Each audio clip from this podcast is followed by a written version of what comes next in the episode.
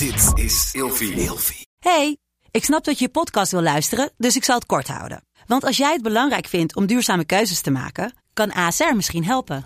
Nou hoor ik je denken, hoe dan? Nou, bijvoorbeeld bij het duurzaam herstellen van schade. Of de premies die we beleggen volgens ons duurzaam beleggingsbeleid. Dat bepaalt waar we wel en juist niet in investeren. Wil je meer weten over welke duurzame keuzes ASR maakt? Ga dan naar asr.nl slash duurzame keuzes. ASR doet het. Zo, dan kan je nu lekker naar je podcast luisteren. Wat zijn ze arrogant. En wat zeggen ze nou? Hello, do you speak English? Pas nou op met die baguette. Vandaag gaan we het hebben over Frankrijk.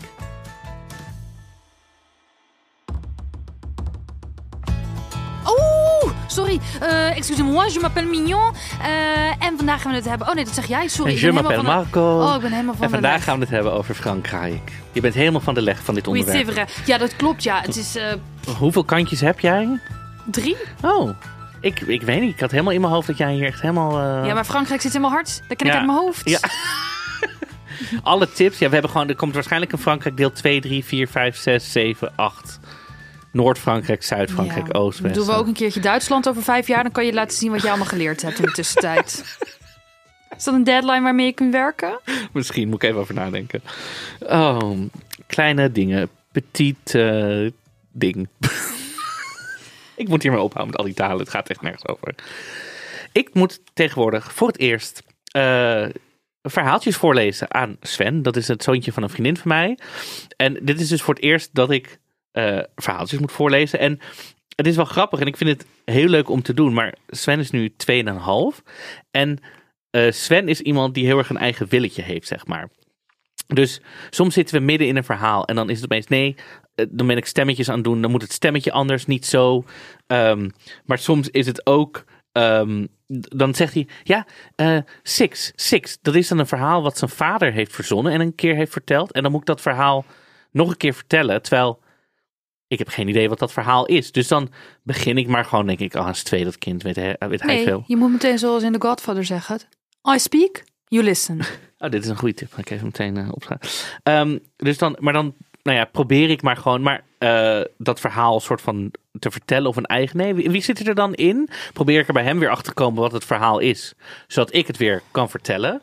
Maar ik vind het wel leuk om te, te, te leren zo, zeg maar, dat wat kinderen aan jou vragen ook in, jouw in jouw creativiteit, zeg maar, of zo. Want ik vind het wel, ik merk wel dat als hij dus zegt, oh, wil je verhaal voorlezen of aan mij vertellen, dat ik het leuk vind om dan te gaan denken, oh shit, nu moet ik dus op het moment zelf een verhaal verzinnen. En soms zijn het ook dat ik denk, nou, ik vertel wel eh, The Wizard of Oz, weet jij veel wat het is? Dat vertel ik wel even op, op mijn Ja. manier. Neem ik gewoon een ander verhaal als basis en dan maak ik dan wat leuks van. Maar ik, ik vind het wel echt heel leuk om te doen, merk ik. Dus nu geen kinderboek schrijven. Nou, ik weet niet, misschien wel. Nee, weet ik niet. Maar dat lijkt me wel, ik vind het wel leuk. Ja. Zo. Ik snap wel dat dit een van de misschien leukere dingen is die, je- die je kan doen als je een kind hebt. Oh ja, Er zijn natuurlijk ook allemaal... maar je hoeft hier niet een eigen kind voor te hebben hoor. Je Nee, kan net het ook ik. gewoon ja, bij Sven laten. Neem een, neem een leenkind. Ja, Net zoals ik. Ja. Dus Nou. ik, ja, dit, ja, dit is dezelfde Sven die, die vorig jaar of zo was dit dezelfde kind waar ik voor het eerst een luier ging verschonen. heb jij nou gebakken ei in je baard? Gebakken ei? Nee. Ja, of paprika chips? Nee? Er zit iets oranjes. Dit is gewoon de baard zelf, oranje. Nee, het is nu weg. Oh, ik heb een oranje vest aan. Ja, ja. Dat het ei geel was. Ehm, dus dat, ja. Dus eh, voor, hier is het eerste verhaal. Nee. Ja, nou over verhaaltjes gesproken. Oh. Ken jij... eh dit is pas eigenlijk wel bij de aflevering, dus ook een beetje Frans. Oh. Ken jij de Franse journalist Victor Noir? Nee. Oké. Hij heet ook eigenlijk Ivan Salman. Of Salmon, ik weet niet eh, waar die vandaan komt oorspronkelijk. Maar ehm, ja, ik heb dus voor het eerst foto's van zijn graf gezien. Oké, hij, is, hij is er dus niet meer. Oké. En gezien wat vrouwen, jonge geile vrouwen daarmee doen. En dan denk je, hè, waar gaat dit over? Ja, Nou, daar ben ik nu een beetje Oké. Victor Noir was een eh, journalist en hij was bij leven een ontzettende playboy. En na Mhm. zijn dood ging zijn reputatie eh, ook door. Als jij aan een duel denkt, aan welke tijd denk je dan? Cowboys. Precies. In zo'n straat. Maar wist je dat er in het Wilde Westen echt maar twee keer in de geschiedenis iets van zo'n duel heeft plaatsgevonden? Echt? hè? Maar dat zit Heet ongeveer- er een Mexican standoff? Heet dat volgens Ja, mij? volgens mij is zoiets in ieder geval, ja. Ja, volgens mij in de geschiedenis is het maar twee keer te Maar dat zit in elke film. Zit in elke In film. elke Lucky Maar Luke weet je waar dit dus wel heel veel gebeurde? Nou, in Frankrijk. In de, bij de adel. Oh, Als er dan een, een, een situatie was die ze niet meer konden oplossen, dan deden ze gewoon een Mexican stand maar moest je dan met zo'n handschoentje zo slaan? zo? Nou, ik weet niet met wat dat Oh. was of met welke parelketting je dat allemaal omdeed. maar dat was dus daar wel gewoon heel normaal. En het neefje van Napoleon heeft dus een Mexican stand-off gedaan met journalist Victor Noir. En Victor Noir eh, is toen eh, om het leven gekomen. Oké. Maar goed, dus hij was een enorme playboy. Ja, wie is hij nu uit deze tijd? Wie is nou vergelijkbaar met hem? Playboy-journalisten. Nee, ja, zeg maar... Een sexy Wie is er nou echt een sekssymbool? Ja. Iedereen vindt Henk van Straat altijd geil, maar dat vind ik de meest de- Ik, weet moet echt is. uitkijken wat ik hier allemaal zeg. Ik hou niet zo van Henk van Straat. Henk van Straat is not my cup of tea. Anyhow, dus Sexy nou, eh, stel Henk van Straat was wel heel sexy Mhm. eh, en een enorme playboy bij leven. Ik ken echt zo. Nee, ik moet. Ja, hij is dus een soort van Tindermaniak. Maar goed, dit is, hij kan zichzelf niet verdedigen, dus ik moet uitkijken. Ehm, volgens mij heeft hij daar ook een boek over geschreven trouwens. Nou, dan maakt het ook niet uit. Laten we Henk van Straat even parkeren in de ijskast. Een andere Want die sexy zit te auteur. klappertanden. Een andere sexy auteur. Arnold Grunberg. Ja, neem die maar even in je hoofd. Arnold Grunberg is een playboy bij leven. Ja. En die gaat dood in een Mexican stand-off. Met ehm, bijvoorbeeld eh neefje van Thierry Mark Rutte. Baudet. Oh, ja. Ja. En dan... Ja, ik ik heb ben er. mezelf Ja helemaal vastgeluld. Hoe kom ik hier nog uit? Oké, dus... Hij was al fel begeerd. Ja. En toen op een gegeven moment was hij neergevallen. En toen lag hij dus dood. En precies in die vorm hebben ze hem op die hele beroemde begraafplaats in Parijs. Ja, hebben ze hem neergelegd. Mhm. Dus dan ligt hij zo op zijn eigen graf zoals hij gestorven is. Maar hij heeft dus Ik neem aan in- een beeld. Niet... Ja, een bronzen beeld. Ja. En hij heeft een ontzettende erectie. Hij heeft een erectie gekregen toen hij doodging. Nou, of hij had gewoon een supergroot lid. En wij zeggen nu hij heeft een erectie, maar dat was gewoon in slappe toestand. Dat kan natuurlijk ook. Maar er zit in ieder geval een grandioze tampeloeres op, Op- dat bronzen beeld. En omdat het dus zo het imago heeft dat hij een playboy, een playboy was, Mhm. eh, is hij nog steeds een ontzettende toeristische trekpleister voor vrouwen die dus aan zijn koperen, nee, aan zijn bronzen piemel gaan zitten. Dus dat hele beeld is groen geoxideerd. Behalve dus een beetje zo die lippen en dus die enorme tampeloeres. Die zo helemaal glanzend goud. En er gaan dus ook allemaal vrouwen heen om fotoshoots te hebben. Dat ze in lingerie dan op hem gaan zitten rijden. En dan gaan ze die foto's vervolgens op hun Instagram echt zetten. Ja, het is een van de allerraarste dingen die ik ooit op het internet heb gezien. En zijn er ook OnlyFans-video's hiermee Ja, gemaakt? dat denk ik wel echt, serieus. Want het zijn vrouwen die er Ja, wel professional Dat is meteen waar ik over nadenk. Ja, meteen. zoek maar op. Ik wil dat je een foto eh, ziet, Marco. Misschien kan ik even aan de producer vragen. En jullie kunnen thuis ook lekker googlen. Dat is een interactief element in deze Ja. podcast. Je kan en luisteren. Victor Noir. Dus Victor Zwart. eh, en dan Grave of zo. Ja, en dan kijken even En dan of Sexy iets- Lady. 69. eh. Oké, oh. Oh. Oh, kijk daar rechtsonder. Ja. Oh. ja, dit is wel echt OnlyFanserig. Ja. Dit is oké. Apart, hè? Maar wel, ja. Nou, eh, Nou, dat was een leuke combinatie van geschiedenis en eh, populaire cultuur. en hoe, waarom was dit ook weer jouw kleine ding? Oh, dit heb je gewoon gezien nou, ik was hier zo erg Ja. van in shock. Ik dacht nu, nu komt jouw kleine ding en dit heb ik ook gedaan. Nee, oh nee, mijn klein... dat is wel leuk. Misschien ga ik dat doen. Ja, deze foto, stop maar Ramon, want ik word er helemaal hitsig van. Nee, het was mijn shock, was het mijn kleine Ja, ding. jouw klein was de shock. Oké. Nee, ik dacht nu komt er nog dat jij eh, in, in Frankrijk Nee, bent nee, geweest. nee. Ehm. Nou, de eerste keer dat jij in Frankrijk was, deel het met mij. De eerste keer was volgens mij toen ik, eh, nou ik denk rondom een jaar of tien of zo was. En het was de- traditionele met je ouders en de gezin in de auto naar de camping op vakantie. In de Heerlijk. Dordogne. In de Dordogne. Nee, ah, bij, even kijken, ik heb, dit, ik heb het gevraagd bij, ehm, bij La Rochelle aan de kust. Leuk. Eh, dus een camping. En ehm, wat ik nog heel goed kan herinneren van, van de eerste keer naar Frankrijk gaan, is vooral dat ik volgens mij toen ook voor het eerst dan. We hadden zo'n staakerven dan op die camping gehuurd. En dat ik dan 's ochtends voor het eerst, om in het thema van de podcast te blijven, naar de bakker mocht om dan brood 's ochtends te halen. Maar dat dan in mijn eentje, zeg maar, Oh met ja. geld. Dus dat was voor het eerst dat ik dan zo met. Was dat guldens nog? Ja, guldens. Naar de, naar de bakker ging om dan zo. In Frankrijk met guldens. Ik, hoop dat het ik mag hopen dat het frangen waren. Fra- Frank, ja. Franken is in België. Frank. Frank. God, ja.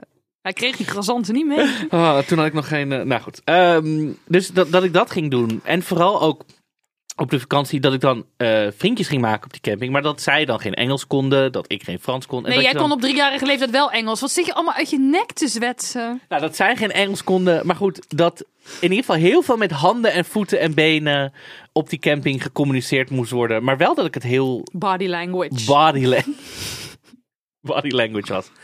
En ik weet ook nog één moment dat ik zo, en ik weet gewoon nog steeds, ik voel, ik, word dan, ik ga, moet er nog steeds lachen om. Terwijl ik, we hadden zo'n staakcaravan en ik weet nog zo goed dat we, we zaten daar aan de eettafel binnen of zo. En alle deuren in die staakcaravan waren allemaal, die zagen er hetzelfde uit. Dus de deur naar de badkamer, naar de slaapkamer, ja, naar de kinderkamer Frans, dat al die deuren. En ik weet nog dat mijn vader op een gegeven moment iets zei van: Ik ga eventjes naar de, naar de slaapkamer of zo. Dat hij een deur opende, ging erin. En toen ging de deur weer open en toen zat hij in de meterkast. En op dat moment vond ik dat zo grappig. Dat ik, ik weet niet, ik kan me nog steeds zo goed in mijn lijf voelen. Dat ik zo de slappe lach heb gehad hierom. Ik weet niet. Dit is ook echt zo'n ding. Het was grappig als je erbij was. blowen. Ja, je had erbij moeten zijn aan de kust in Frankrijk in 1997. 2000. Top verhaal. Nou, mijn eerste keer... Ik denk dat ik in Frankrijk verwekt ben. Eh, Oh. Mijn eerste keer, eh, ja, ik weet het eigenlijk niet meer. Ik weet wel, mijn opa en oma die hebben tot een paar jaar geleden in Frankrijk gewoond. Ehm, en mijn moeder liet me daar ook gewoon wel eens een paar weken achter. Mhm. Dus ik ben echt heel veel in Frankrijk geweest. Het voelt ook echt wel alsof ik deels in Frankrijk ben opgegroeid. Ik heb enorm warme herinneringen aan mijn jeugd. Eh, des te pijnlijker vond ik eh, de commotie rondom deze podcastaflevering. Want commotie? wij, ja, wij vragen natuurlijk altijd op Oh. Instagram van, nou, waar kijk je? Of commotion. Eh, wij vragen altijd van, nou, waar loop je tegenaan? Mhm. Holy shit. Heel veel man, mensen zijn francofoob. Ja? Ja, Ik wilde het hier zo over hebben. Ik, dit, dit verwachtte ik. Al mijn, nou, eigenlijk alles wat ik heb binnengekregen waren alleen maar fans. bij mij alleen maar negatieve dingen. Oh. En Frankrijk haten is wel een beetje het wielrennen haten onder de landen haten. Ja. Het is een hele populistische mening. Een beetje populistische humor ook van anders hoor je er niet bij. Het is een Ja. soort van leuk en eh, witty.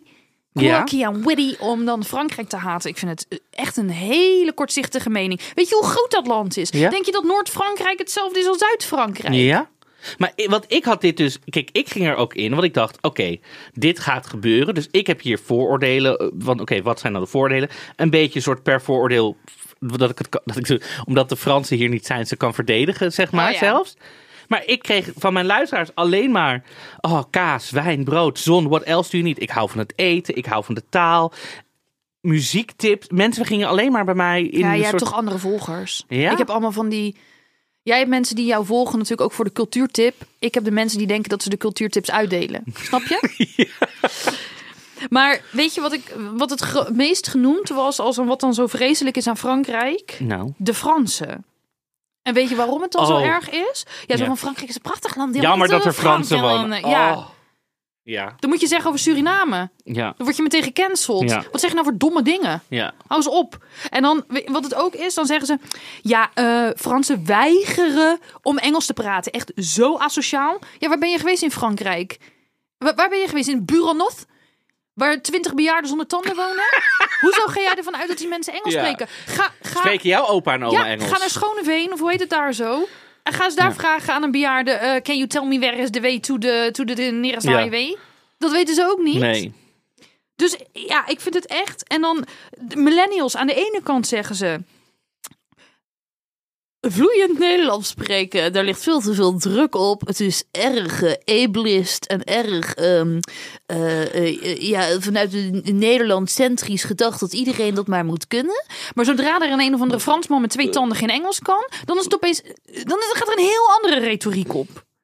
Ik vind de millennial de echte two-sided bitches van alle era's die er geweest zijn. Maar, Maar- goed, sorry. Ja. Ik weet niet, er zit ook... Het, ik het heeft toch ook, als je op vakantie bijvoorbeeld als, als reis, ga- reis gaat naar Frankrijk...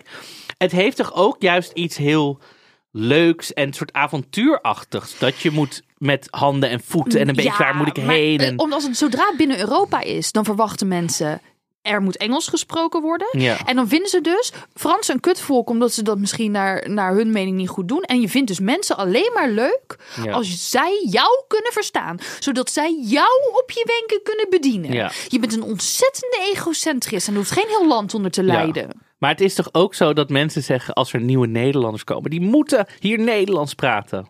Nou, jij bent dan toch ook in Frankrijk? Dan moet jij toch Frans praten? Ja, inderdaad. Toch? Dat is toch dezelfde retoriek? je, volgens mij is het gewoon. Ik heb, ik heb in ieder geval nog nooit gehad dat als ik gewoon mijn, best probeerde te doen. Dus je vangt aan in het. eh, Bonjour. Ja, dan zeg je bonjour. Ça va? Dat zou ik niet vragen per Oh. se bij de kassa. Maar ja, you do you. Ik zou dat wel doen hoor. Ja, maar dan zeg je gewoon, eh, weet ik veel, uh, malheureusement, je ne parle pas français, mais je vais essayer pour vous, d'accord? En dan weten ze, oké, eh, die spreekt geen Frans, maar die gaat het proberen voor mij. Ja. En wat je dan vervolgens gaat doen, dat, dan, dan heb je al laten zien dat je, het is een soort van, Maar dit klonk, al heel, dit klonk al heel vergevorderd voor mij. Oké, malheureusement. Je ne parle pas français, mais je vais essayer pour vous. D'accord. Ah, mensen noteren, notuleren. Zeg het eens na. Je parle vu, je ne parle pas français. Ou daarna ben ik. Deze man zit hele dag op Duolingo. Ja, maar die- Frans heb ik nog niet aangehad. Dus dat. Heb je Frans nog niet aangeraakt? Frans heb ik nog niet aangeraakt. Dan zeggen mensen zoals tegen mij: Is jouw naam Frans? Ik zeg: Nee, mijn naam is Mignon, dat staat er toch? Dat is een goede. Maar goed, weet je, je kan voordat je de bakker inloopt, kun je gewoon opzoeken met: Mag ik alsjeblieft drie croissants? Dan Mhm. kan je gewoon opzoeken, dan, hoor, dan kan je letterlijk op het, op het microfoontje, of nee, hoe heet zo'n ding? Een luidspiekertje drukken. Dan Ja. hoor je hoe het klinkt. Ja. En dan ga je dat reproduceren. En je moet gewoon even. Het is ook een spel, hè? Het Ja. is een verleidingsspel. Laat me even zien dat je moeite doet. Ja. Mhm. Het is een hard, ze spelen hard to get. Maar als je eenmaal laat zien dat je moeite doet, hoe je het ook uitspreekt, dan komt het eigenlijk altijd wel goed. Dus het heeft veel meer met je eigen onzekerheid te maken dan met de Fransen. Ja. Weet je wanneer je ook eh, niet eh, bezig bent met de Franse taal? Als je in Frankrijk bent, niet. als je, als je in Frankrijk bent, maar wanneer je niet bezig bent met de Franse taal, is als je net als ik in onze allereerste aflevering op een nudistencamping bent in Frankrijk. Er zitten alleen Dan- maar Nederlanders. Dan is, nee, we waren alleen maar Duitsers. Maar dan is, als je wel in de winkeltjes bent en zo, dan is dat je minste, Daarom wil jij zo graag Duits leren. Je hebt daar dingen voorbij zien komen. Ja, Dus je denkt, eh, de volgende wat- keer moet ik de taal beheersen. moet de taal beheersen. Ja. Ehm, ik weet ook nog dat we, toen we daar op vakantie waren, wat ik me ook nog goed kan herinneren, is dat, wat ik zo tof vond daar aan de, aan de kust ook, is dat de golven in Frankrijk waren zo hoog. En misschien is dit vanuit het perspectief van een negenjarige. Maar ik weet echt dat ik alleen met mijn vader in de zee mocht. En mijn broertje moest dan op het strand blijven. En we mochten alleen maar afwisselen, zeg maar. Dus we mochten echt niet zonder begeleiding het water in. Want de golf, in mijn optiek waren de golven echt waanzinnig. In mijn hoofd is Frankrijk echt een surfwalhalla. Ja, Frankrijk is best wel groot. En niet alles zit aan de kust. Nee, maar waar ik dus was. Maar ja, dat is dus... Weet je hoe ver Rijssel is? Lille. Het schil ligt natuurlijk aan of je in Friesland of in Ja, Limburg woont. Maar laten we, even Maar laten we even. Rotterdam kiezen. Drieënhalf uur? Tweeënhalf uur. Tweeënhalf uur.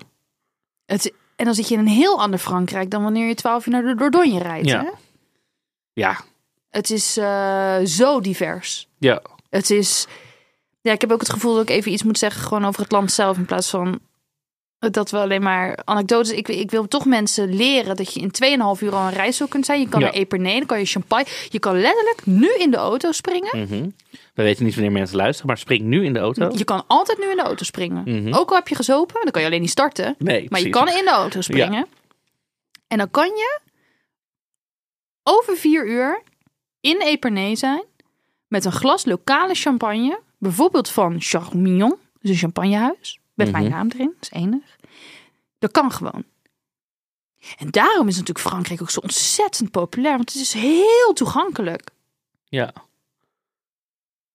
Nou, dat wilde ik gewoon even zeggen. Even, Mooi. waar begin je mee, snap je? ja, Dus ja, voor mij, op, op mijn lijstje momenteel staat Nantes. Nantes? Nantes? Ik was laatst eventjes aan het opzoeken in Frankrijk. Weet eigenlijk niet waarom, maar goed. Welke steden leuk zijn. Ja, ik wil trouwens wat meer met de trein gaan reizen. Dus ik was eigenlijk allemaal Franse steden even aan het kijken van... Goh, wat is leuk, wat is makkelijk te bereiken met de trein en zo. En toen kwam ik op Nantes en daar zag, ging, zag ik allemaal dingen die ik heel tof vond, die er te doen zijn. Dus, dus die staat eigenlijk op mijn eh, lijst. Ik denk niet dat mensen Les Salvatore Suragnon of eh, Surago eh, kennen. Dat ken ik, dat kent niemand. Nee, Er wonen drie mensen. ja. Ja, ehm, kijk, natuurlijk, want ik heb het net heel erg opgenomen over de Fransen. Maar natuurlijk Ja. hebben ze ook toxic traits, hè? Om maar even de in red eh, flags of TikTok France. taal te- ja, de red flags of eh, Frans. Mhm. Ze protesteren overal tegen. ja. Overal. Maar is dat toxic? Nee, maar kijk, ze hebben geen realiteitsbesef. Want ik weet nog dat er bijna een burgeroorlog was in Frankrijk eh, vanwege de benzineprijzen. Mhm. Nou, ik was helemaal bang gemaakt, want ik ging die week naar Frankrijk. Mhm. Nou, ik kom helemaal trillend, kom ik zo bij die eh, tankstation aan. En ik pak zo die slang eruit en begin te tanken. En, eh, en ik zie zo die dieselprijs verspringen. Het was in Nederland toen ook duur. Daar was het boven de 2 euro. Wat denk je dat het in Frankrijk kostte? 1,59 per liter. Dat was gewoon bijna 50 cent goedkoper. Maar daar stonden mensen in gele hesjes de benzinepomp eh, met, met, met, met, met Op de vuurpijlen ja. te beschieten. In Nederland zeiden we, ah, dat is wel duur hè? Ja. Ja, dat is wel Ja. duur. Maar de- hoeveel van de Franse oorlogen zijn er ook niet? Zijn volgens mij allemaal begonnen omdat er weer demo. Er werd er weer iemand onthoofd. Ja. De zonnegol. Het was legaal om je partner te vermoorden. Nou, Ja. als een crime passionnel. Mocht allemaal gewoon. Ja, weet je, en dan werd die weer Frans. onthoofd en die weer onthoofd. En elk kostuumdrama gaat over een onthoofding en een protest volgens mij. Ja, ja Frank, Frans zijn gewoon extra. Maar is ook wel leuk. Ja, vind ik enig, ja.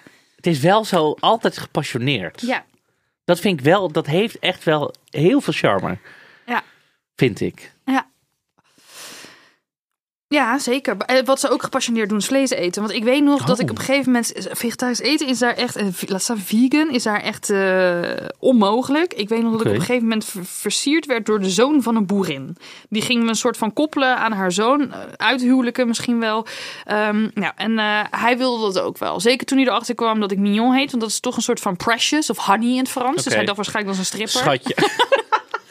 Nee, dat is uit het verhaal van Goethe. Dus Duitse literatuur. Oh. Lieve vrienden. Nee, daar ben ik nog niet in Duolingo. Vandaar Nee, dat ik het niet weet. Ehm, maar hij nodigde mij dus uit als date naar het dorpsfeest. En zei hij, nou, ik, ik, ben daar, ik ben daar in charge van het slachten van het zwijn. En ik mocht hem dan wel komen helpen braden. eh, en het ontleden. Dus hij zei, dan kunnen we samen gezellig die eengewanden eruit snijden. En dan doen we hem samen aan het spit. En dan kunnen we, wij mogen dan dat, dat zwijn ronddraaien. En Hij kende jou al heel goed, merk ik aan dit. Ja, nou, dat was natuurlijk de allerergste date ever. Ik stond helemaal Oh, je bent perplex. gegaan? Nee, Oh. als in, dat is het slechtste date-idee. Oh, ik wil- nee, oké, sorry. nee, nee, ik kan me niks ergens voorstellen, want ik eet geen vlees. En zeker geen varken aan een spit. Qua DNA-structuur lijkt een varken ook super erg op een mens. Dus het is een soort van semi-cannibalisme. Het is echt het allerergste wat er is. Ja. Ehm, en toen zei ik, nee, ik ben vegetariër. En toen zei hij, toen heeft hij me keihard uitgelachen. Toen zei hij, maar dan eet je dus wel kip. Toen zei ik, een kip is toch een dier? Nee, dat is gevogelte, dat is geen dier. Ja, maar ja. Toen zei hij, en vis? Ik zei, een vis is toch ook een dier? Ja. Nee, dat is geen dier.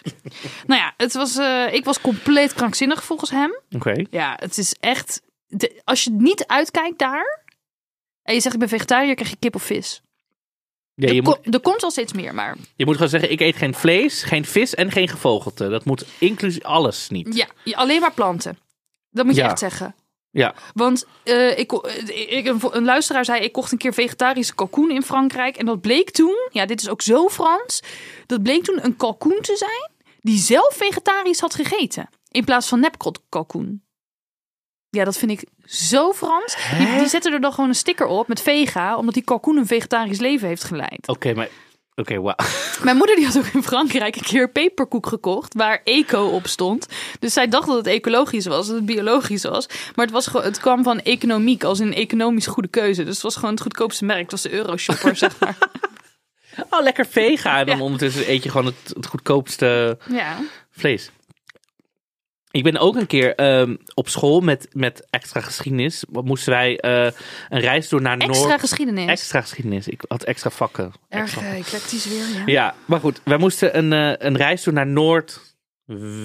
Oost-Frankrijk. Om daar een heel weekend te leren over ehm, de Eerste Wereldoorlog. Oh ja. Dus we zijn naar allemaal Amerikaanse begraafplaatsen geweest. We zijn in de loopgraaf geweest. Helemaal in die tunnels, musea, rondleiding. was heel, best wel interessant. En ik, ik moet zeggen, ik heb het, eh, het weer opgezocht. Dus ik, wil het met een vriendin van de middelbare school ook weer gaan eh, opzoeken. Alleen wat wel grappig was, we, we eh, school dacht, oh, maar dit zijn studenten of, of scholieren, die hoeven niet in een hotel of die hoeven niet in een. De docenten gingen in een hotel. We reden naar een dorpje. Gingen En de jullie in de loopgraven. Wij werden in het buurthuis gelegd. In dat dorpje waar maar waar 15 mensen wonen. was een soort schuur. Daar mochten wij op de grond liggen op onze, in onze slaapzakken. maar er zaten geen. Alle ramen in dit gebouw waren kapot. Dus het, dit was in januari, februari. Dus het was daar min, min 5 s'nachts. Daar moesten wij gewoon wel binnen slapen. Maar goed, de wind woei gewoon lekker zo door het hele, hele gebouw heen, zeg maar. En dan als je ook s'nachts bijvoorbeeld, of nee, zelfs voor je ging slapen, ging je je tanden poetsen. Of als je s'nachts wilde plassen, had je dus ook ramen. Nee, dus geen ramen, maar hoe noem het? Kozijnen, waar je gewoon naar buiten keek. En dan keek je dus gewoon op de begraafplaatsen van de, van de Duitsers. Nou, de hele nacht hebben wij echt als een soort kluitje op elkaar na. Omdat iedereen was zo dood. De hele dag hebben we het alleen maar gehad over dode mensen. Oh. Begraafplaatsen hier, begraafplaats daar. Weet ik veel. Heb je nog een erectie gezien op die begraafplaats? Nee, geen erecties op Jij moet niet bij mij langskomen dan straks in Drenthe, want eh, onze tuin grenst ook aan een begraafplaats. Ja, maar toen, ik denk dat ik het nu wel Ja? inmiddels, ja. Je maar- leeft ook nog, dus. Ik leef ook nog. Maar ik op dat moment vond ik, maar ook het hele, nee hoor, ramen. Jullie hoeven, ga maar gewoon hier op de grond. Dat lijkt me toch tof. Ja, het is zo, zijn, zo zijn scholen. Ik vind Ja. het wel leuk. Ik mis dat. Ja, Ja, nu denk ik ook, ga daarin, ik boek een hotel. Ja. Dat is eigenlijk jammer. Want ik weet, hoe, ik weet niet hoe ik toegang krijg tot een, tot een half Buurthuis. afgebroken buurthuis. Nee. Ik heb geen idee wie ik moet bellen. Ja, de burgemeester waarschijnlijk. Want in Frankrijk een burgemeester doet alles. Ja, mag ik even de sleutel? Nou, ik weet nog, mijn oma die woont in Frankrijk. Haar buurvrouw had geen geld voor een ijskast. Dan belt ze gewoon naar de burgemeester en zegt ze, ik heb geen geld voor een ijskast. En dan leent, hij- leent hij haar geld. Want het is een, zijn taak als burgervader. Er gebeuren hele rare dingen in Frankrijk. Ook wel weer, Het is wel Ja. taak, ja. Ze letten, elkaar, ze letten op elkaar. ja, dat is wel weer, ja, je kan er wat En het leuke aan. Frankrijk is dat je waarschijnlijk als je dan vijf kilometer verder rijdt, dan vind je twaalf kapotte ijskasten ergens in iemands voortuin. Want zo zijn ze ook in Ja? Ze verzamelen allemaal teringzooi. Ze Ik heb wel- hebben daar geen stort. Nee. Ik heb wel het idee dat, eh, dat er ook heel veel van die antiek winkeltjes en beelden. En dat allemaal zo dat je zo rijdt. Dan zie je allemaal van die Ja. boerderijen die opeens allemaal zelf beelden maken. ja, en dan ga je daarheen omdat je interesse hebt. En dan zeggen ze, sorry, we zitten drie uur lang te lunchen. Kom morgen weer terug. ja, het is gewoon dan, dicht. En dan kom je morgen en dan zijn ze heel wat anders aan het doen. Ja. Zijn ze helemaal niet Dat open. kan zo, ja. Ehm, iemand zegt, oh, ik hou zo van eh, wijnfeesten en zo. Frankrijk lijkt me een geweldig land. Nou, eh, Frankrijk is specialist op het gebied van het suffenfeest. Eh, Oh. Aankondigingen worden dan in de buurt wordt dat opgehangen in Comic Sans. En kom je naar ons ciderfeest, ons oogstfeest, ons pompoenfeest. En het is altijd echt super, super suf. Ja? Dus ja, dus laat je niet verleiden door een wijnfestival in een dorp ergens verderop. Tenzij je dus echt van, van die suffe buurtfeesten houdt. en van maar wat is, is het dan zitten en een, en een, en een, en een hoe heet het, zo'n Het is een picknicktafel? in-crowd en- van Fransen die elkaar allemaal kennen met biertafels. Die allemaal heel veel lol hebben in witte partytenten. Dat je echt denkt, waar is de aankleding? Een soort, ja, ik ben een keer naar een ciderfeest geweest. Daar stond ehm, een Franse coverband die geen Engels spraken. Maar wel eh, de songtekst van Evanescence probeerde na te doen. Stond op te treden. Evanescence ook. Super ongezellige muziek voor een ciderfeest. En dat blerde Ja? ze door een soort van ja, zandverstuiving. Ja, het was echt... Als je dus van, van cringe, als cringe voor jou entertainment is, dan moet je erheen. Maar als je echt denkt, nou, ik ga hier toch echt de tijd van mijn leven hebben, dan... Maar het is niet...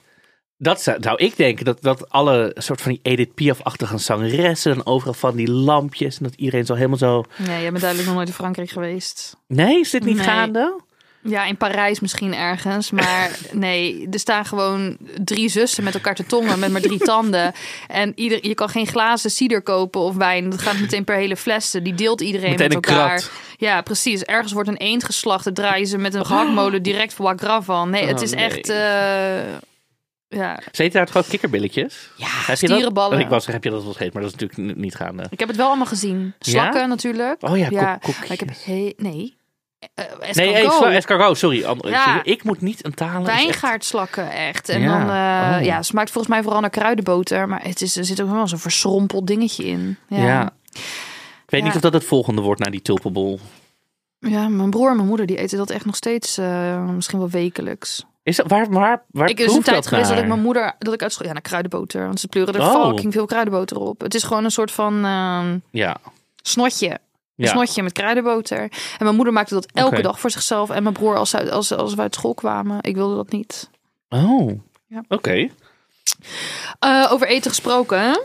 In Frankrijk zijn ze echt heel erg bezig met de baguette.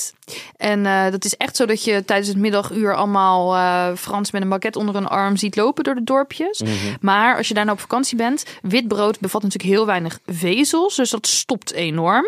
Eh, ik zei dit een keertje tegen iemand van let je ook wel op je vezels. Je kunt bij de apotheek bijvoorbeeld zakjes kopen met losse vezels. Die kun je nemen. Of je eet genoeg pruimen of altijd een plakje peperkoek.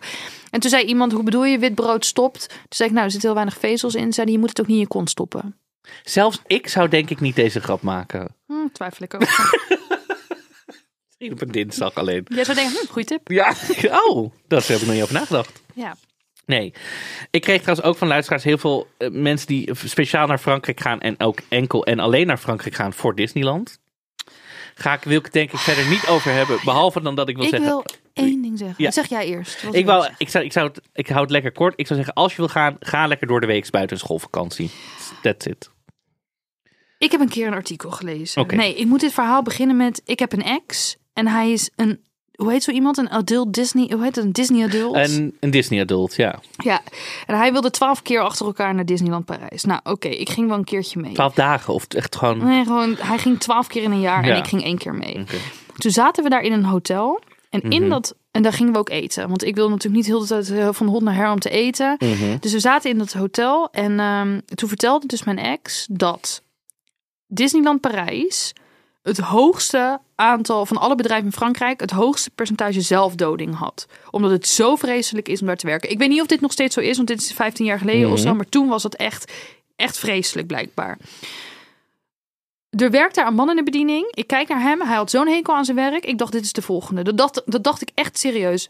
Hij was zo ongelukkig. Wij krijgen de kaart. Stond natuurlijk niks vegetarisch op. Mhm. Behalve een soort polenta. Maar ik frituur polenta altijd, want zo wordt het lekker knapperig. Maar ik kreeg gewoon hier een, een flat polenta, alsof ik in de gevangenis eh, zat. Zo'n hele flats met polenta. Het was zo... Ja, ken je dat? Gekookte polenta. Nee. In Italië eten ze dat wel eens in plaats van aardappelpuree bijvoorbeeld. Het is echt alsof je cement eet. Warm maiscement. En ik, ik durfde niet, en dat kostte 35 euro dat gerecht. En ik durfde niet tegen die zielige man te zeggen dat het me echt niet smaakte. Want ik dacht, dan is hij de volgende. Ja. Hij haat het al zo erg. Toen heb ik de polenta in mijn tas geschoven. Oh, nee. En dat is dus gewoon een soort aardappelpuree. Maar Gaat vond zit alles en overal. alles zat onder. Maar ik dacht, dit is beter dan het nu tegen hem zeggen. Het is echt een verschrikkelijke plek op aarde. Echt verschrikkelijk. Het eten is goor. Ik heb ook als, als mensen op Instagram heel erg verheerlijkend doen over Disneyland, dan ontvolg ik ze. Ik denk, je hebt geen werkelijkheidsbesef. Er gaat een hele duistere wereld hier achter schuil. Ik was er in november. Ik heb het heel erg naar mijn zin gehad. Met mijn, eh, met mijn familie. Ehm, nou, en ik ken wel wat mensen die ook hebben gewerkt in Disney. En ook re- recentelijk nog. En die... Ja, maar jij kent die acteurs. Ja. Jij kent niet de mensen die polenta staan te scheppen. Nee, true. Dat is, dit zijn inderdaad de mensen in de pakken en de dansers. Ja. En de, die, maar die hebben het wel naar hun zin. Ja, dus daar kan je schaamteloos naar kijken. Ja. Ehm, Als we het over vreselijke dingen hebben en entertainment. hier ben toch? ik. Ja. Moeten we het hebben over Emily in Paris? Any thoughts? Oh, oh God. nou, ik heb drie afleveringen gekeken. Of, omdat ik met iemand mee aan het kijken was. Wat is dit? Dit is zo Amerikaans geschreven over Frankrijk. En vooral over Parijs. Ja. Het is echt een soort van hoe Amerikanen denken dat je in Parijs leeft of zo. Ja. En die kleding is belachelijk. Ja. Maar goed, het is natuurlijk ook echt helemaal niet eh natuurgetrouw. Want Parijs is eigenlijk een vieze stinkstad die naar pis ruikt. Ja. Toch? Ja. Maar ik vind dus eigenlijk Amsterdam ook een beetje een Parijs light. Mhm. Daarin. Want het stinkt ook naar pis daar bij Ja, het Centraal Station. En Rotterdam natuurlijk ergens ook. Maar het voordeel aan gebombardeerde steden is... Dat ze helemaal nieuw zijn? Ja, ze zijn helemaal nieuw en vierkant. En dan kan je het gewoon afdoen met een hoge drukspuit. Ik heb het gevoel dat Rotterdam meestal aan het einde van de week viezer is dan Ja. Amsterdam. Maar dat ze dat gewoon met Gewoon een een soort van... Er er komt hebben iemand weer nieuw Rotterdam. En dat mis je in Parijs. Ik moet ook. ehm, ken je het programma My First Holiday? Dit was ooit op RTL. Nee. Dat was een programma waarbij mensen die nog nooit buiten Nederland op vakantie waren geweest, werden dan door RTL op vakantie gestuurd ergens heen. Dan hebben ze volgens mij, volgens mij ook wensen aangegeven. En er was een. eh, en Jamai deed de, de, de, de voice-over.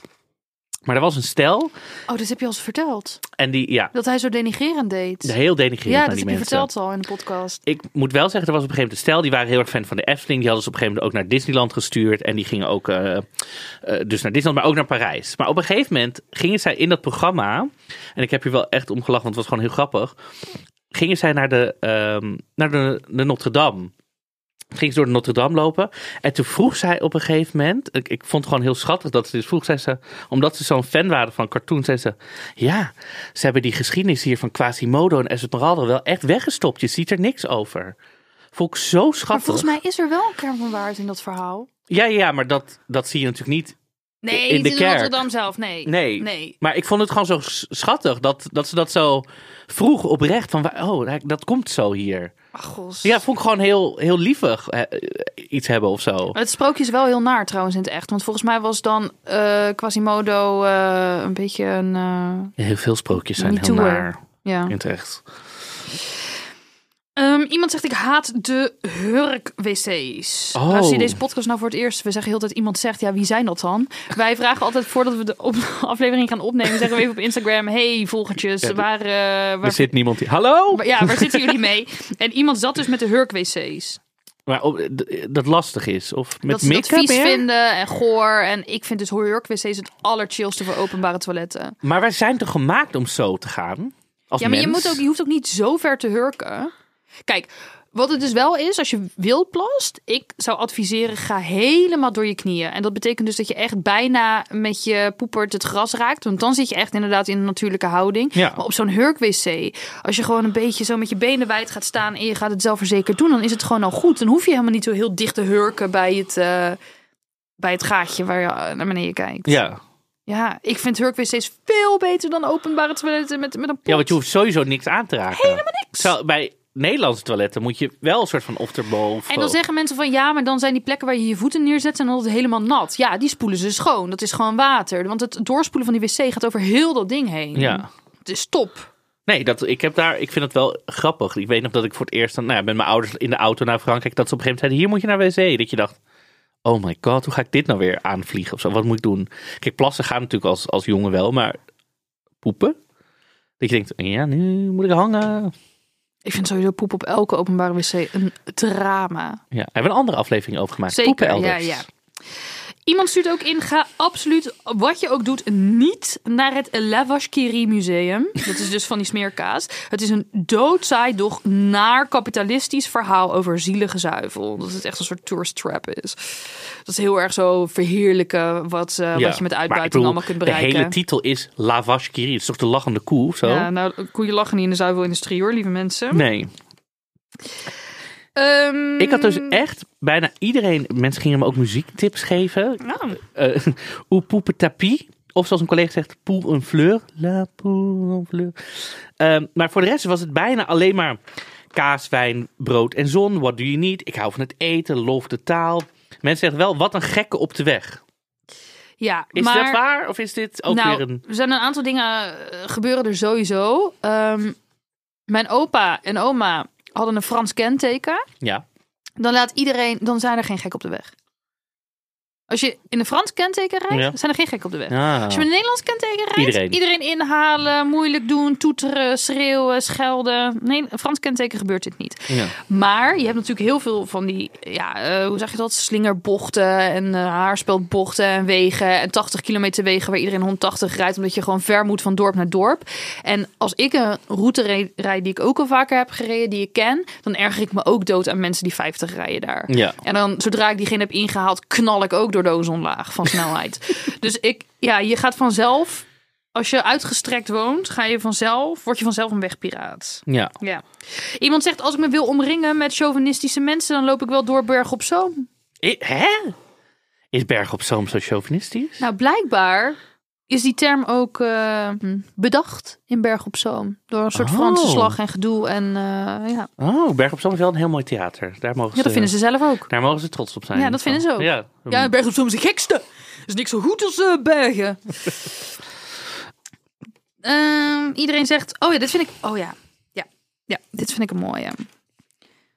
Iedereen gaat er altijd als kind al heen en heeft er al herinneringen. Ze weten precies waar ze moeten zijn. Daarom voelt het nu alsof ik achterloop en ik heb geen idee waar ik heen moet. Nou, ga op ontdekkingstocht, toch? Dat maak je eigen verhaal.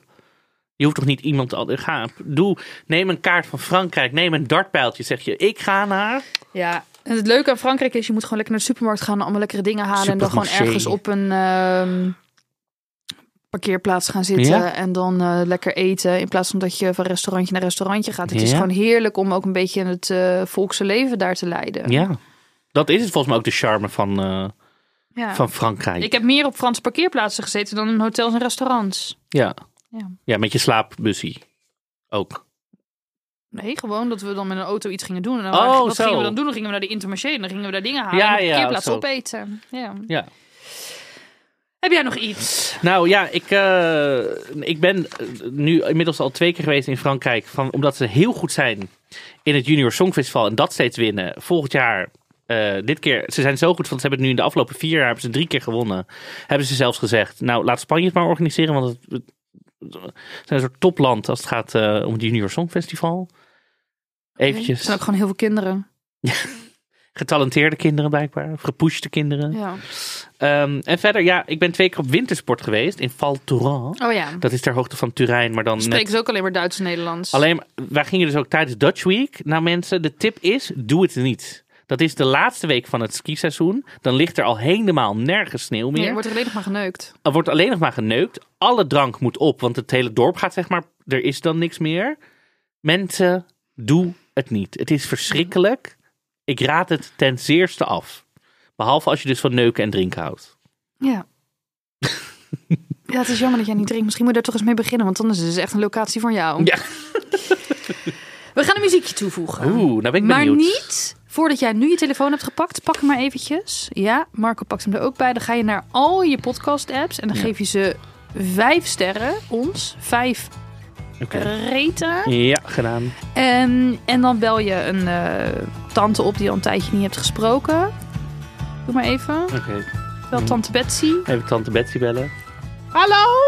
En dan zeg je, nou tante Betsy, ik heb nou een podcast. Nou, tante Betsy, ik heb nou een podcast. En dan zeg je dat, je, dat ze nou allereerst Doe maar even vijf sterren geven. Dan voeg ik dus aan de playlist toe een nummertje.